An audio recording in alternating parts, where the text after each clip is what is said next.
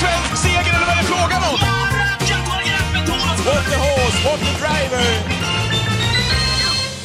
Ja, men välkomna till Travpodden. Eh, Kommer ut tidigt den här veckan. Varför David? Jo, för vi hade tänkt, precis som vanligt, att göra en podd förra veckan. Eh, då den som vanligt skulle komma ut på torsdagen. Men det sket sig förra veckan av lite olika anledningar. Ja, men vi kan bara gå in kort på dem. Vi skulle ju ha Johnny Staff på torsdagen va? Mm. Eh, men jag skulle flyga hem från Portugal på Domarbas Torsdag i på dagen. ST ska vi säga, Johnny Stav. Ja, domarbas STS precis. Men eh, mitt flyg bokades om utan att jag hade märkt det. Så när jag skulle åka till flygplatsen torsdag morgon från Portugal då så fanns det inget flyg. Så jag fick boka om via Köpenhamn på kvällen då och sen så åka bil upp till Stockholm på... Eller flyga upp till Stockholm fredag morgon. Ja, det blev lite stökigt och så vidare. Mm. Eh, Så därför det här ja, lilla extra avsnittet då. ja, precis så. Det kommer, precis som vanligt, senare i veckan eh, ett avsnitt av Travpodden. Så det kommer alltså två den här veckan av Travpodden som är nominerade i Guldpodden. Det är vi glada för, även om det är ett gäng som är nominerade där, David. Men enda Travpodden, så om man tycker om trav och tycker att det är kul att vi gör den här podden, då kan man gå in på guldpodden.se och rösta på Travpodden. Ja, eh, när man kollar på vilka poddar som är nominerade så är det nog... Det känns som att alla poddar som finns är nominerade. så att jag vet inte om det är någon jättebedrift. Vi ska säga det att vi inom Gambling Cabin så gör ju även det andra gänget Stryktipspodden. Eh, och vi vill även eh, lyfta fram att eh, den också är nominerad som bästa podd. Vi nominerar någon kategori där, vad är det? Bästa sportpodd eller något liknande. Så att det är kul ju såklart. Men som sagt, det är väldigt många nominerade så det är inte som Oscarsgalan att det finns 10 000 filmer att välja mellan och fyra nominerade. Utan här finns det ju 30 000 poddar i Sverige och 25 000 nominerade. Men ja, ja, vi var inte bland de 5 000 som åkte ut i alla fall. Det får man ju säga positivt. Ja, precis. Gå in på guldpodden.se om ni tycker att det är kul och att ni gillar den här eh, podden som vi gör. Gambling Cabin alltså, som är avsändare för den. Ja, vad vill du ta upp då i det här avsnittet? Ja, vi kan väl göra en liten tillbakablick på det som har, eh, har varit trots allt. Vi kan väl, ska vi backa till den hetaste potatisen som var eh, för Mm. dryga vecka sedan? Det var ju V75-tävlingarna på Sundbyholm. Mycket, mycket fin klass på sporten eh, till att börja med, David. Oj, vad jag njöt där på Breeders-finalerna. Ja, det blir ju lite inaktuellt nu när det här var för över en vecka sedan. Men eftersom vi inte var ute förra veckan så måste vi ändå omnämna eh, de här, den här tävlingshelgen. Och först och främst så eh, var ju den stora snackisen i V753 där det blev en omstart eh, Mm, på efter... lördagen, ja. Ja, omstartsignalen kom efter 200 meter men eh, vissa kuskar hörde inte den efter 500 meter. Och, eh, bland annat Ulf Olsson bakom Disco Volante. Och sen var det så här att man blåste till start ganska kort inpå vilket jag tyckte var väldigt konstigt. Och Staffan Falk sa i TV att eh, jag vet inte vad han har för titel på Svensk Travsport men jag vet inte om han är någon... Ja, han, han är... Johnny Staff är domarbas, Staffan Falk har en annan titel i alla fall. Men han uttalade sig om det här och sa att ja, men det var alltid i sin ordning att blåsa till, till, till start fyra minuter efter att Disco Volante hade sprungit 08 eh, i 600 meter. Eh, och det här har då väckt, väckt reaktioner och det var ju den grejen vi ville ta upp. Därför blev vår podd lite fördröjd förra veckan.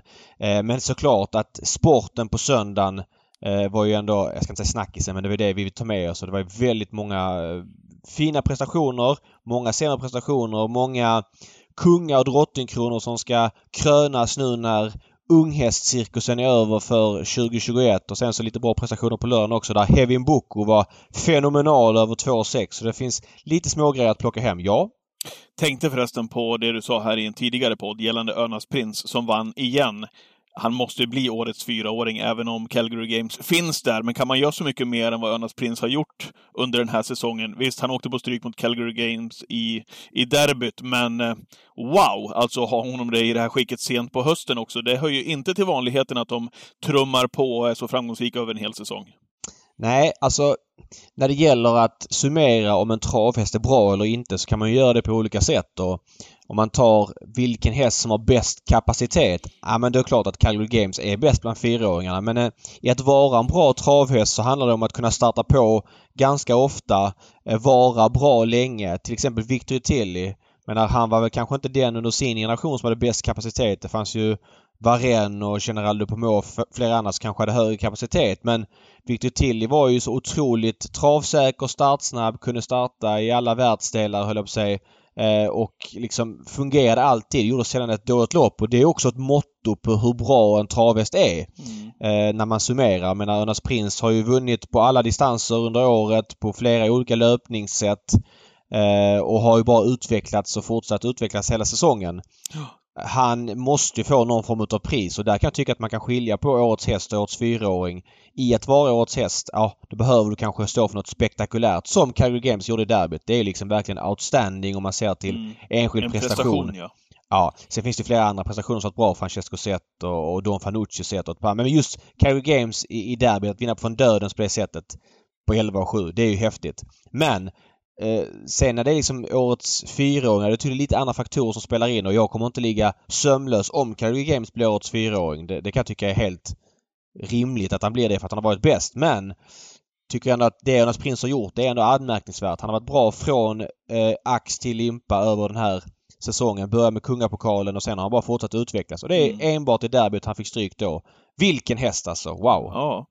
Eh, vi, vi, vi vidrör också, tycker jag, eh, såklart, eh, vad gäller söndagen och prestationerna där. Måste bara ta fram då Francesco Zet som var fullständigt outstanding i, sitt, eh, bride, i sin Breeders final för de treåriga hingstarna och vallakarna. Och ifrån samma stall då, eh, Glamorous Rain, som Örjan bar in den sista biten. Inte i klockren aktion, men kommer hem på 12 och 2. Och äntligen fick hon visa, även om hon har visat sin kapacitet tidigare också såklart. Eh, men som jag har tjatat om Glamorous Rain, det är ju en ruggigt snygg häst det där alltså. Älskar Glamorous Rain! Om vi ska dela upp dem där i olika fack så pratar vi årets häst bland de treåriga hästarna, eller treåriga hingstar Valakarna, så är det ju inget snack om Francesco Zet är etta. Han har varit bäst och vunnit de största loppen och ändå haft en ganska eh, uppåtgående kurva och ändå som sträcker sig över ett mm. lite längre spann över säsongen. Det är derbyt och det är British Crown och sen så var han ändå med i E3 där han uppträdde lite konstigt och så vidare. Eh, pratar vi Troja Ston Ja, då skulle jag ändå säga att Lara Bocco är den som varit bäst över säsongen. Hon fick ju ett väldigt tufft lopp här i finalerna. Var knappt slagen av Glamorous Rain. Hon var bäst när det gällde som mest i Oaks. Eh, det är väldigt tätt eh, där uppe men jag tycker att det hon har visat kapacitetsmässigt sticker ut lite grann. Eh, för mig. Ja. Det ska dock sägas att Glamorous Rain var alltså på 12 och 2. Det är den snabbaste finaltiden i de här British Crown, Crown finalerna. Vilket är anmärkningsvärt på tanke på att det är den kategorin som generellt sett innehåller den svagaste hästen sett till att då ston är lite sämre än hingstar, vallacker och treåringar är sämre än fyraåringar. Ja. Vad gäller V75 den eh, söndagen, det känns lite inaktuellt som du var inne på, men vi landar ändå in på 9000 kronor på sju rätt knappa i alla fall. Du fick en bombvinnare, det var väl kul också i Twigs Honor. Jag såg att du spikade den på Gambling Cabin system. Vad kul mm. att du mm. gjorde det. Eh, vi satte väl sjuan där, va? Ja, det gjorde vi både du och jag. Det var ju lite mindre system den här dagen och mindre insatser så att eh, fanns ändå viss potential på vägen när man inte spikade eh, två jättelampor. Den andra favoriten var ju Hanne Russ som många gick på. Eh, nu galopperade hon och där fick 50 Cent Piece mm. vinna Stonas, eh, den fyra Stonas British Crown-final. Framför vasst spurtande Sayonara. Men det är väl inget snack om att eh, Hanne Russ är kullens bästa fyraåriga sto. Dagen innan på Sundbyholm, 7 gav 83 000. Eh, nära var du? Ja, jag har nästan glömt bort vad jag klev av på där.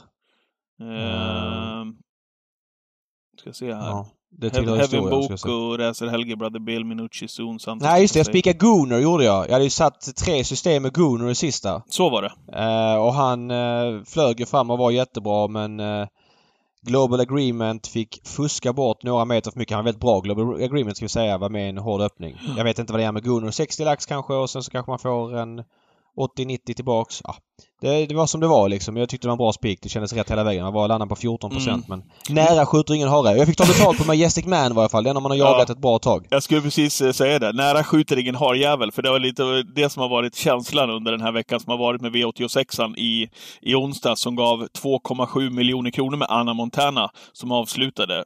Fan vad synd alltså på ren svenska. Eh, på Gambling ja. system.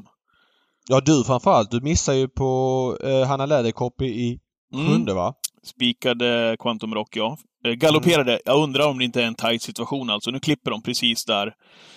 Ja, och här, det är därför det, den galopperar. Det är de här inzoomningarna som stör en så mycket. De zoomar in när det händer grejer längre ner i fältet. Oh. Den värsta inzoomningen är ändå sista sväng när de går in och, och zoomar in på ledaren när, när det kommer attacker i spåren. Det är så mm. dåligt alltså. Jag kan inte smälta varför man gör det. Eh, vettigt Men, netto blev det i alla fall. Ja, och jag fick... Jag vet inte hur många rätt jag fick. Jag var väl nära där också på någon vänster tror jag. Just det, jag spikade Greta Sisus och Mika Fors satt och sov Han körde aldrig. Nej, han, han körde är kvar aldrig. i sista sväng fortfarande, Mika med Greta. Ja, han drog inte i högertömmen. Nej. Mika Fors har ju fått lite skäll av mig här under året och Ja, det har eh, tycker att han... Eh, ja, han verkar vara världens skönaste snubbe och supertrevlig men jag tycker att han taktiskt ställer till det för sig lite för ofta i loppen på ett onödigt sätt.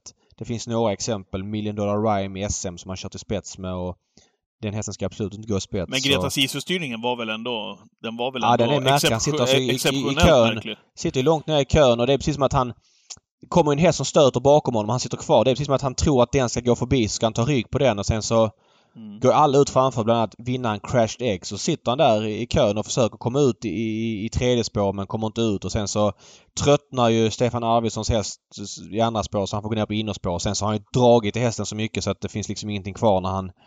Ja, när det väl blir fritt och loppet var ju förstört långt innan. Mm. Men kan man hävda då att ja, men hästen gick inte så bra ändå så att han kanske kände av det då. Fast nej, han ville ha luckan där utan han satt och sov helt enkelt. Och, ja, det är sånt som händer. Eh, vi tar ju beslut vem vi spikar, vilket ekipage vi spikar innan det. Så man får vara med på det men det var ju lite otur. Ja. Eh, vi släpper den omgången helt enkelt. Och innan vi Mm. går in på våran gäst här också och pratar det här Disco Volante och omstarten här på Sundbyholm för att reda ut begreppen lite mer. Eh, en kortis också eh, förbi Norge eh, som körde V75 eh, med en omsättning på nästan 108 miljoner. Mm, vi spelar ihop med norrmännen den här omgången så det gör att det blir lite mer just därför. De har ju, alltså det är ju gemensam ordinarie omgång. Eh, normalt sett har vi varsin omgång och då försvinner de norska pengarna. Eh, ja men det blev väl faktiskt ganska kul eh, ändå tycker jag. Tyckte Ja, det såg lite kallt det. ut på förhand. Det var mycket strykningar och lite sådär men Månlycke vinner. Sen är det väl ingen omöjlig rad och det är klart att Fairy and Fury är svår. Jag missade den på fem hästar. Sitter med fem gånger sju kvar. Det är värt vis- visserligen bara 6000.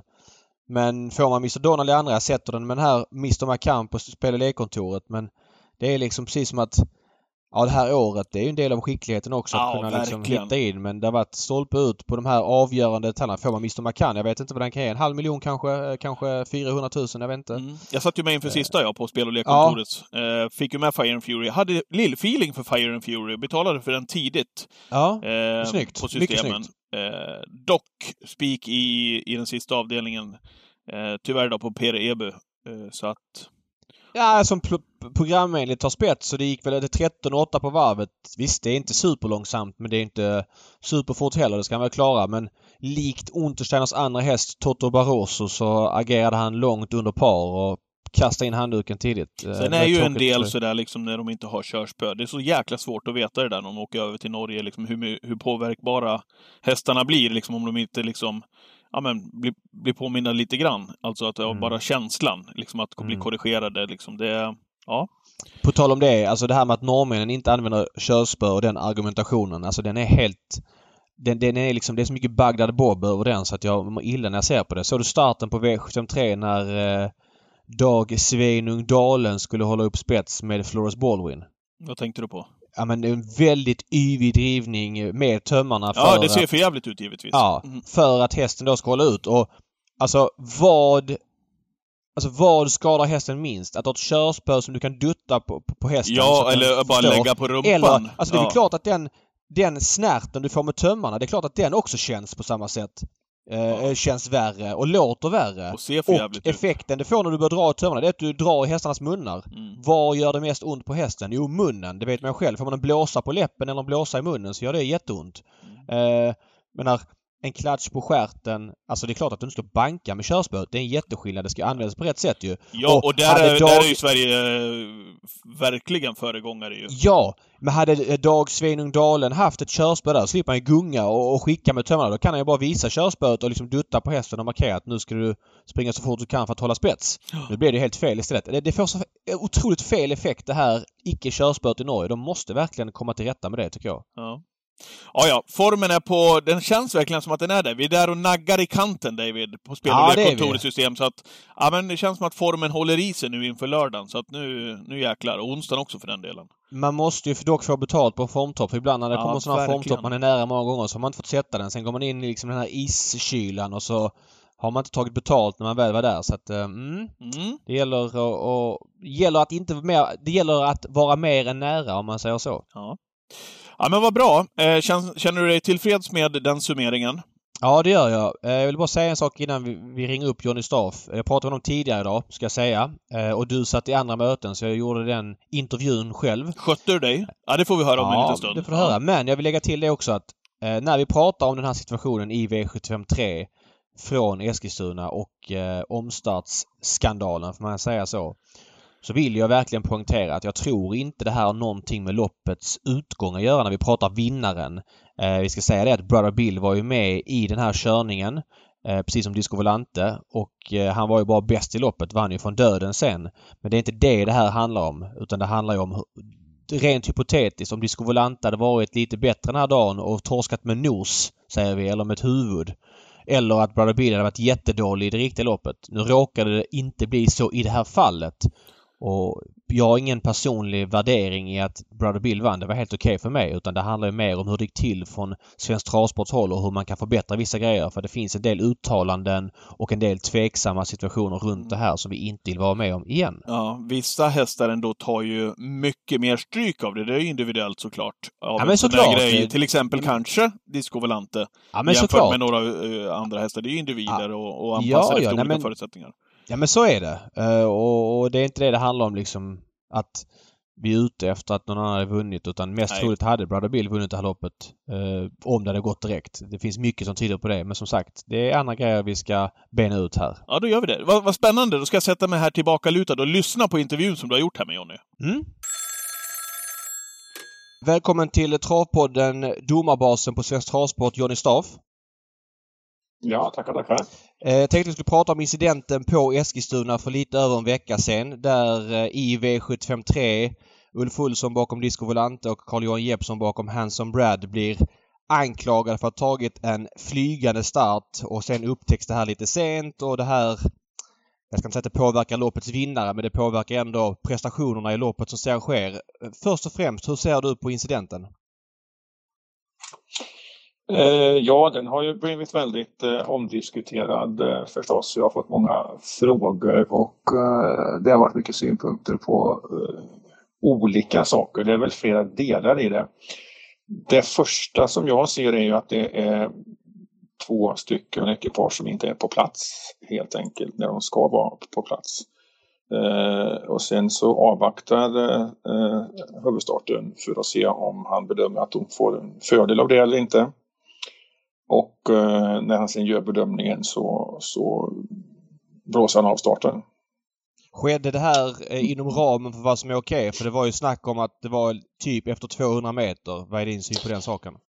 Ja, det skedde ju inom ramen för det som är tillåtet enligt tävlingsreglementet. Där det står cirka 200 meter. Vad jag kan se så är det väl knappt 200 meter. Mm. Eh, sen är det förstås bättre ju tidigare man kan ta det, det beslutet. För att det går ju ganska snabbt där och de hinner ju ganska lång, lång sträcka på ganska kort tid i den, den farten. Så ju tidigare man kan ta beslutet desto bättre är det ju förstås. V vad är sagt där? För att det bäst, i den bästa av världar så kan man ju blåsa till omstart precis när bilen släpper fältet och behålla vingarna ute. Så gjorde man inte i det här fallet utan man lät det gå 200 meter. Vad behöver huvudstarten se för att han ska blåsa innan man släpper ut vingarna?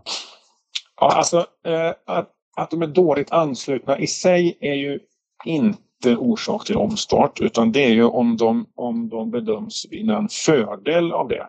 Mm. Alltså att man når starten i, i ja, så man får ett snabbare anlopp, en så kallad flygande start. Då. Mm. Eh, så då kan ju det vara svårt att avgöra innan man har kommit fram till start, start, startplatsen. Och sen börjar man ju fälla in vingarna direkt på startplatsen. Så att är man något sen med beslutet så hinner man ju börja fälla in vingarna. Och då mm. kan man ju inte ångra det och börja fälla tillbaka dem igen för då kommer de i, i, ja, i svajning så att säga. Så att då, då blir det inte bra. Ja, jag fattar. Eh, och sen körde man i 200 meter först och främst men eh, Ulf Olsson som körde ledande Disco och flera andra kuskar uppfattade ju inte att det var omstart från efter ja, 500-600 meter. Eh, vad är din syn på den saken? Nej, det är ju inte bra. Eh, jag vet inte vad det berodde på men det finns ju ett högtalarsystem på bilen. Det kan ju även eh, huvudstarten kommunicera med kuskarna men hör inte de det och eh, huvudstarten utgår från att de hör vad han säger, då, då blir det ju besvärligare förstås. Sen är det så att om, om, om beslutet om omstart kommer eh, senare, då hinner ju bilen undan också. Så då hinner man ju inte... Eh, annars så ser man ju lampor som blinkar på bilen. Ja, och de här blinkar väl på banan också väl? Ja, precis. Och det är ju svårare att se när bilen är längre ifrån fältet då. Ja, precis, det... men, men det finns väl gula lampor på innerplan eller runt banan som också blinkar som ska vara liksom Ja, det sitter ju en skylt ungefär 500 eh, kvar och då kommer ju omstartssignalen ungefär i samband eller strax efter den skylten så då hann ju inte kuskarna se den, den ljusmarkeringen heller då. Fattar. Vad vidtar Svensk Travsport för åtgärder för att banorna som i varje fall kör V75 ska ha eh, utrustning som gör att kuskarna förstår att det är omstart innan då för att om man missar den pålen som det blir i det här fallet, ja men då är ju nästa påle, det är inte från på bortre lång och då, liksom, då har ju ja. vissa hästar bränt för mycket kraft. Då går man ju ut med signal igen och jag tror att i det här fallet, jag var inte på plats själv, men att även spiken eh, eh, ropade ut omstart eh, på ett tydligt sätt för att få göra kuskarna uppmärksamma på detta. Då. Sen, sen, sen, sen är det ju så att i de allra flesta fall eh, när det blir omstart i bakom start startbilen så finns ju inte de här problemen utan då, då går ju eh, budskapet fram och, och ljud och ljussignaler eh, hinner uppfattas så att eh, det kanske är mer eh, i tillämpning och finslipning utav det som eh, behövs en eh, ny och mer utrustning eh, i, i det här fallet. Sen att man ser över så att det verkligen, ljudet verkligen går fram då. Mm. Det här var ju alltså första delen av det som hände. Sen tycker jag det anmärkningsvärda sker lite grann efteråt. Eh, ett par hästar kör väldigt fort, väldigt länge och sen så eh, blåser man till start. Eh, ungefär fyra minuter efter att Ulf Olsson och ett par kuskar till upptäcker att det är omstart och blåser man till start, alltså inom fyra minuter. Eh, och senare fick ju Svensk Travsport kritik för det här bland annat i programmet V75 Direkt där eh, Staffan Falk intervjuades och han sa ju tydligt att det inte spelar någon roll. En häst som springer 08-tempo i 500-600 meter inte påverkas utan ska vara redo att tävla inom fyra minuter. Nu eh, var ju då hästen som kanske offrade mest krut, Disco Volante, tidigt slagen i loppet och Ulf Olsson pratade efteråt om att han borde strukit hästen. Är det en syn som Svensk Travsport har att en häst som springer så fort så länge ska kunna tävla ganska tätt inpå? Nej, men att, de, att hästarna påverkas av omstarter, det är ju, råder ju inget, eh, inget tvivel om. Men om de påverkas så mycket så att man inte kan starta om, om loppet, det är ju det är svårare att, att bedöma.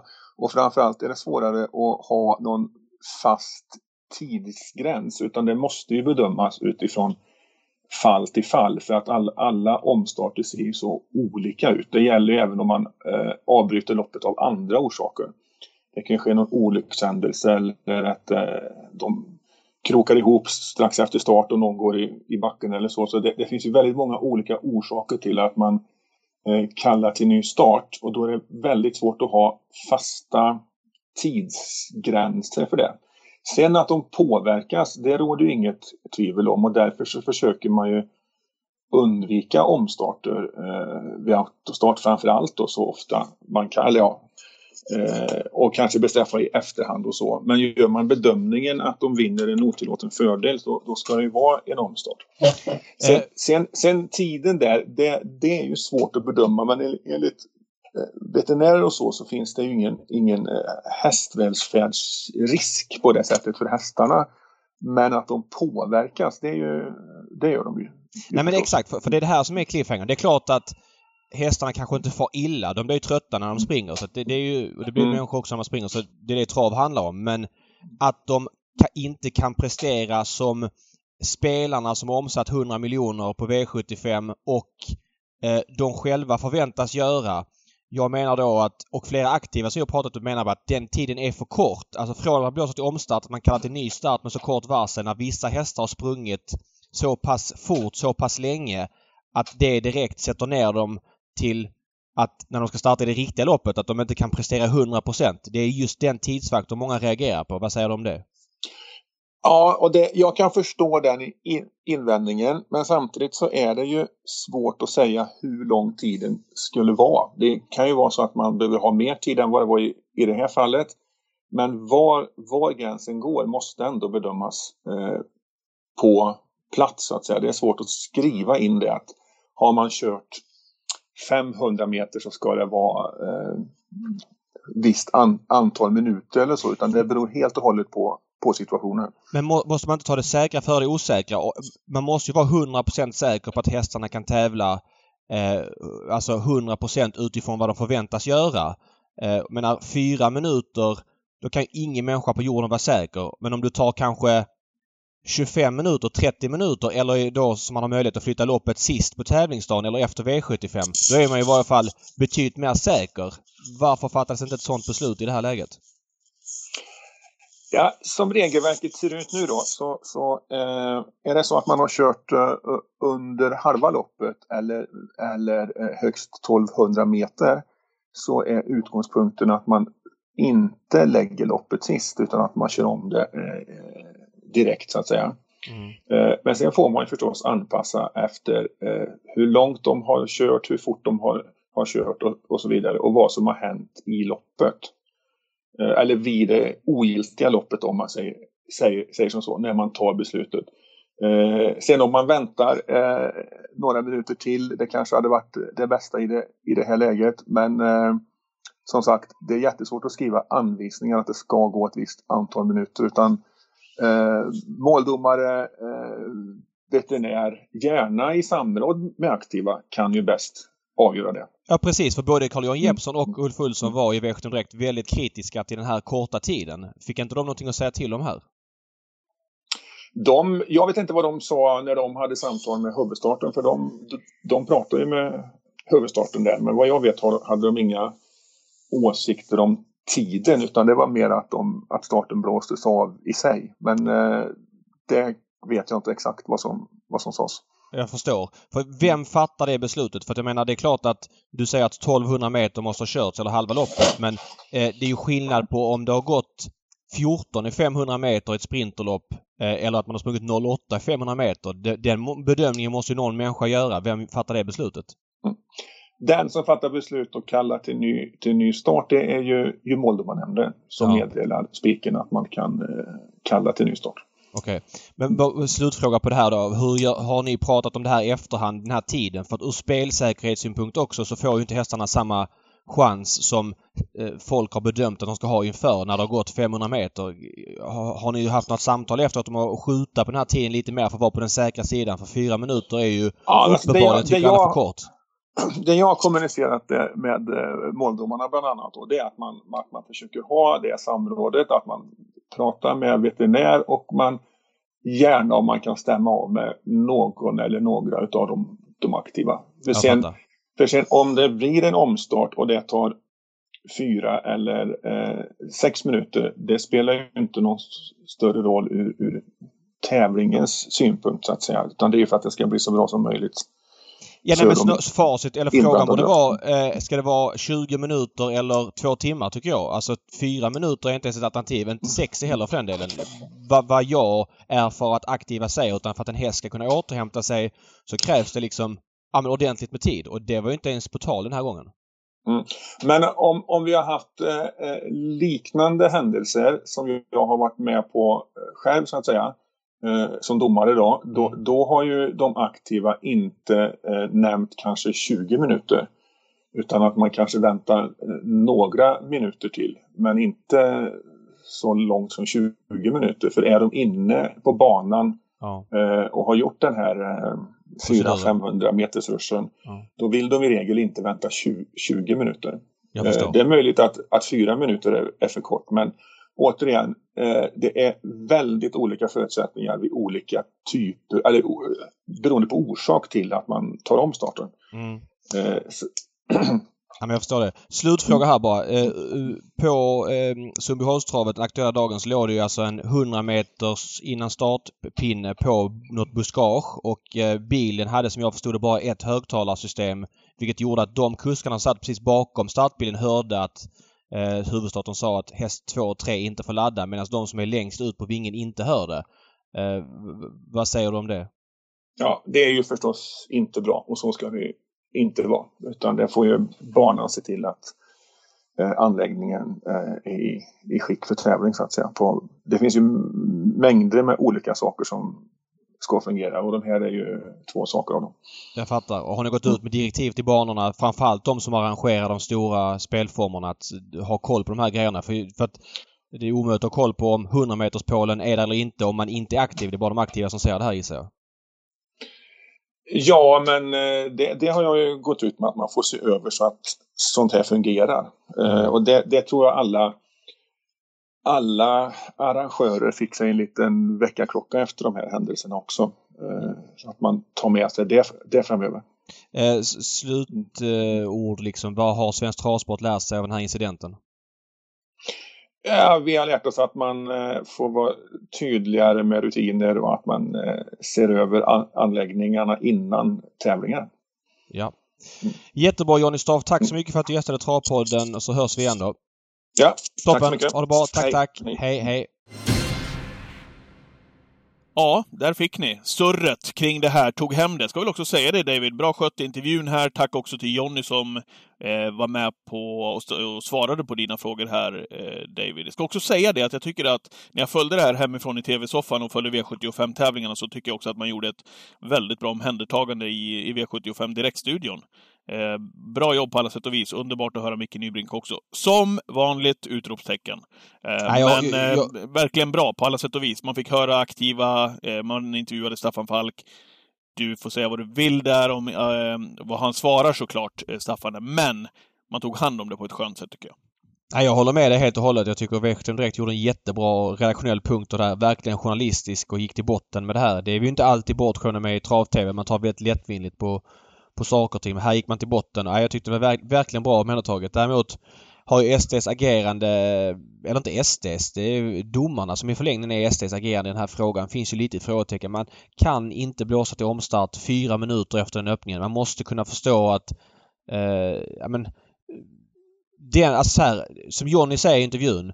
Det är svårt att skriva regler för varje grej utan man får ta ett beslut där och då. Men då måste man ha lite mer feeling eh, för att fyra minuter efter den ruschen inte är rimligt. Mm. Och att man säger att man pratar med aktiva. Både Jeppsson och Olsson säger i intervjuerna efteråt att det var väldigt kort tid och vi borde strukit våra hästar. Det är knappast så att de har gjort ett godkännande till huvudstaten och till måldomarna att säga att ja men kör starten direkt. Så att det har ju inte skett där och den grejen hoppas jag att de tar med sig framöver. Att man måste nog vänta lite längre tid. Kanske köra loppet sist för att alla ska få en fair chans. Så fair man kan få efter att en sån incident händer. Ja.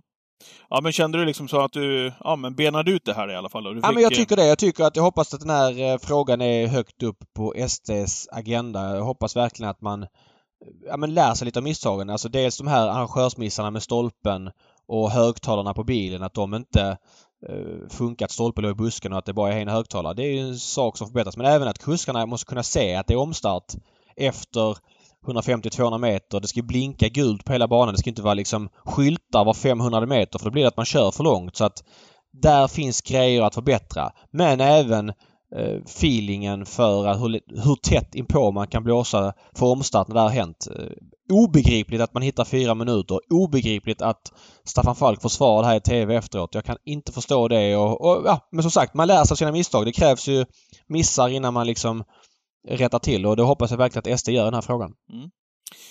Bra David. Det blir ett kortare avsnitt eh, den här veckan av Travpodden. Åtminstone det första. Sen är vi tillbaka såklart, precis som vanligt, på torsdag igen. Men när vi ändå sitter här och har en V86 framför oss nu på onsdag så vill jag ändå bara nämna att jag tycker att det är så himla roligt med eh, den folkkära. För det har väl ändå blivit David. On Track Piraterna ska ut. Han ska ut i V86 8. Han är väl eh, knappast någon eh, reklampelare längre. Ja, på sitt sätt såklart, men du förstår vad jag menar. Han har spår 12, han är 2 procent och det där. Men det är så jäkla skoj när man ser att eh, det är skötarna som har skött On Track Piraten som får köra honom i lopp här. Som någon form av liten avskedsturné som han gör lite grann i skymundan.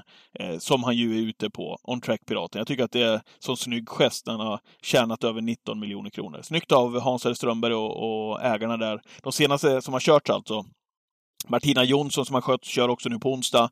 Eh, Nathalie Blom. Eh, Billy Svedlund, Svedlund, ja, fick ja. köra sen. Jag tycker att det är, det, det är snyggt på något vis. Det är vi inte bortskämda med. Men är det här sista eh, starten? Nej, det vet jag inte om det är sista starten, men det är någon form av Hur många avskedsturné. sköt har han haft då? Ja, men han måste ha haft några under sina år, eh, faktiskt. Nu vet jag inte, till exempel Lina Pergenius vet jag hade Piraten Eh, och så vidare. Jag vet inte hur många han har haft men, och hur många som ska få köra, men på något vis ändå lite elegant, för det är lätt att skicka upp en, en proffskusk och så ja, låter det vara så bara. Måste säga det också nu. Jag hade inte sett startlistorna till V86 men nu när du sa det. Det här är ju Trittonsunds lopp. För övrigt eh, otrolig häst på sin tid. Mm. Eh, jag noterar bara att Missel Hill är ute. Han ska ner till Frankrike efter det här. Utgår från. Eh, ska bli spännande att se vad han kan uträtta i Frankrike. Han känns ju klart bäst bakifrån och ja, men det kan bli kul. Milligan School ska ut igen som jag tycker visar tveksam form på slutet. Lite bättre senast. Där är alltså Uffe Eriksson petad. Rakt ut. Eh, han blev ju petad efter Solänget-starten. Örjan har kört två gånger i rad. Mhm. Nu väljer Örjan att köra Missel Hill. Magnus A. Djuse kör eh, Milligan School. Jag lägger ingen värdering i huruvida eh, Uffe Eriksson körde sämre i den aktuella starten. Det var ju det loppet som Mind Your Value VF vann på Solänget. Han var ju inte tillräckligt snabb från start där, Milligan School, för att ta sig förbi Mind Your Value VF som då kom till spets och därmed var loppet över. Men man kan konstatera att Uffe Eriksson ändå har kört in en och annan krona med Milligan School. Eh, han har ju tjänat totalt i, i Mm. karriären, vad är det? 17 miljoner nästan. 16,7 miljoner. Ehm, och de flesta kronorna med Uffe Eriksson. Ehm, så här ska jag säga. Jag lägger ingen värdering i det här aktuella fallet. Jag, jag kan inte tycka att Uffe Eriksson har kört sämre på slutet än vad han gjort tidigare med den här hästen. Alltså inte dåligt på något sätt. Han har kört bra och, och lyckats bra med den. Men jag tycker det är lite uppfriskande när sådana här grejer händer. Eh, Det var ungefär som när eh, Örjan valde Propulsion före Nuncio. Det var väl i något så här Årjängs stora sprinterlopp. Typ 2017. Året efter att han vann Elitloppet. Tror jag att det var. Eh, och, eh, eller om det var samma lopp. Och sen var han... Nej, året efter var det. Sen var han liksom avstängd av Tarzan på alla Tarzans hästar ett halvår eller vad det var. Eh, jag vet inte, jag tycker att det blir lite spännande. Det händer någon, någon form Ja. av friktion mellan människor det inte brukar vara friktion mellan Ja. i travet. Här gick segern till sju Lucifer Lane Johan A. Nilsson. Fick du en 11 procentare också avslutningsvis på Ja, programmet. klart förbättrad med jänkarvagn för första gången senast. Jag hade faktiskt med honom i det loppet. Det Efter förut- uppehåll också. Tror att Ja, det, för- ja, nu, nu gick han ett och, ett, halv, eh, ett och ett halvt lopp då, men eh, det, Ja, det, det tror jag inte att han tog skada av. omstartsloppet 2,6 också på- gör ingenting. Distansen. Nej, men han gick ju dödens där i det aktuella loppet Mm. på Eskilstuna och det var ju omstartsloppet så att, Ja. den- den, den är tidig, helt klart. Där fick du en Twigs Honor. ja, okej. Ja, jo, jag bygger ju alla mina system på vad du säger. så Jag att vet, så jag vet. Du, vad härligt att du är tillbaka från Portugal och har landat Ja. och allting det där. Och sen att vi kör en ny podd nu igen eh, på torsdag, så det blir dubbla poddar den här veckan, som sagt. Ja, Mm. ser vi fram emot eh, den podden med svensk uppfödningslöpning på lördag är det va? Precis, på Jägersro. Ja. Ganska spännande listor på lördag, eh, Söt Jäger. Spontant. Det var ingen så här jättefavorit man gillar och det är fulla fält och de har diamantstort över tre volter igen. Det känns som det är samma hästar som startade i det här loppet för, ja men typ Müllerstan. Ja. Defs Daffodil är längst bak och så vidare. Så att, ja, det blir kul. Nej, Och har man då mobilen nu i sin hand, vilket man förmodligen har nära till hands eh, när man lyssnar på den här podden, gå in då på guldpodden.se och så röstar man bland de 25 000 eh, som finns eh, inom sport och idrott på Travpodden om man känner för det. Det skulle vi vara glada för i alla fall. Mm. Eh, ingen hiss och diss den här veckan, kommer på torsdag, eh, precis som vanligt. Är vi nöjda där? Vi är nöjda så. Tack så mycket för idag. Så krigar vi oss igenom den här veckan så hörs vi på torsdag. Hej! Hej!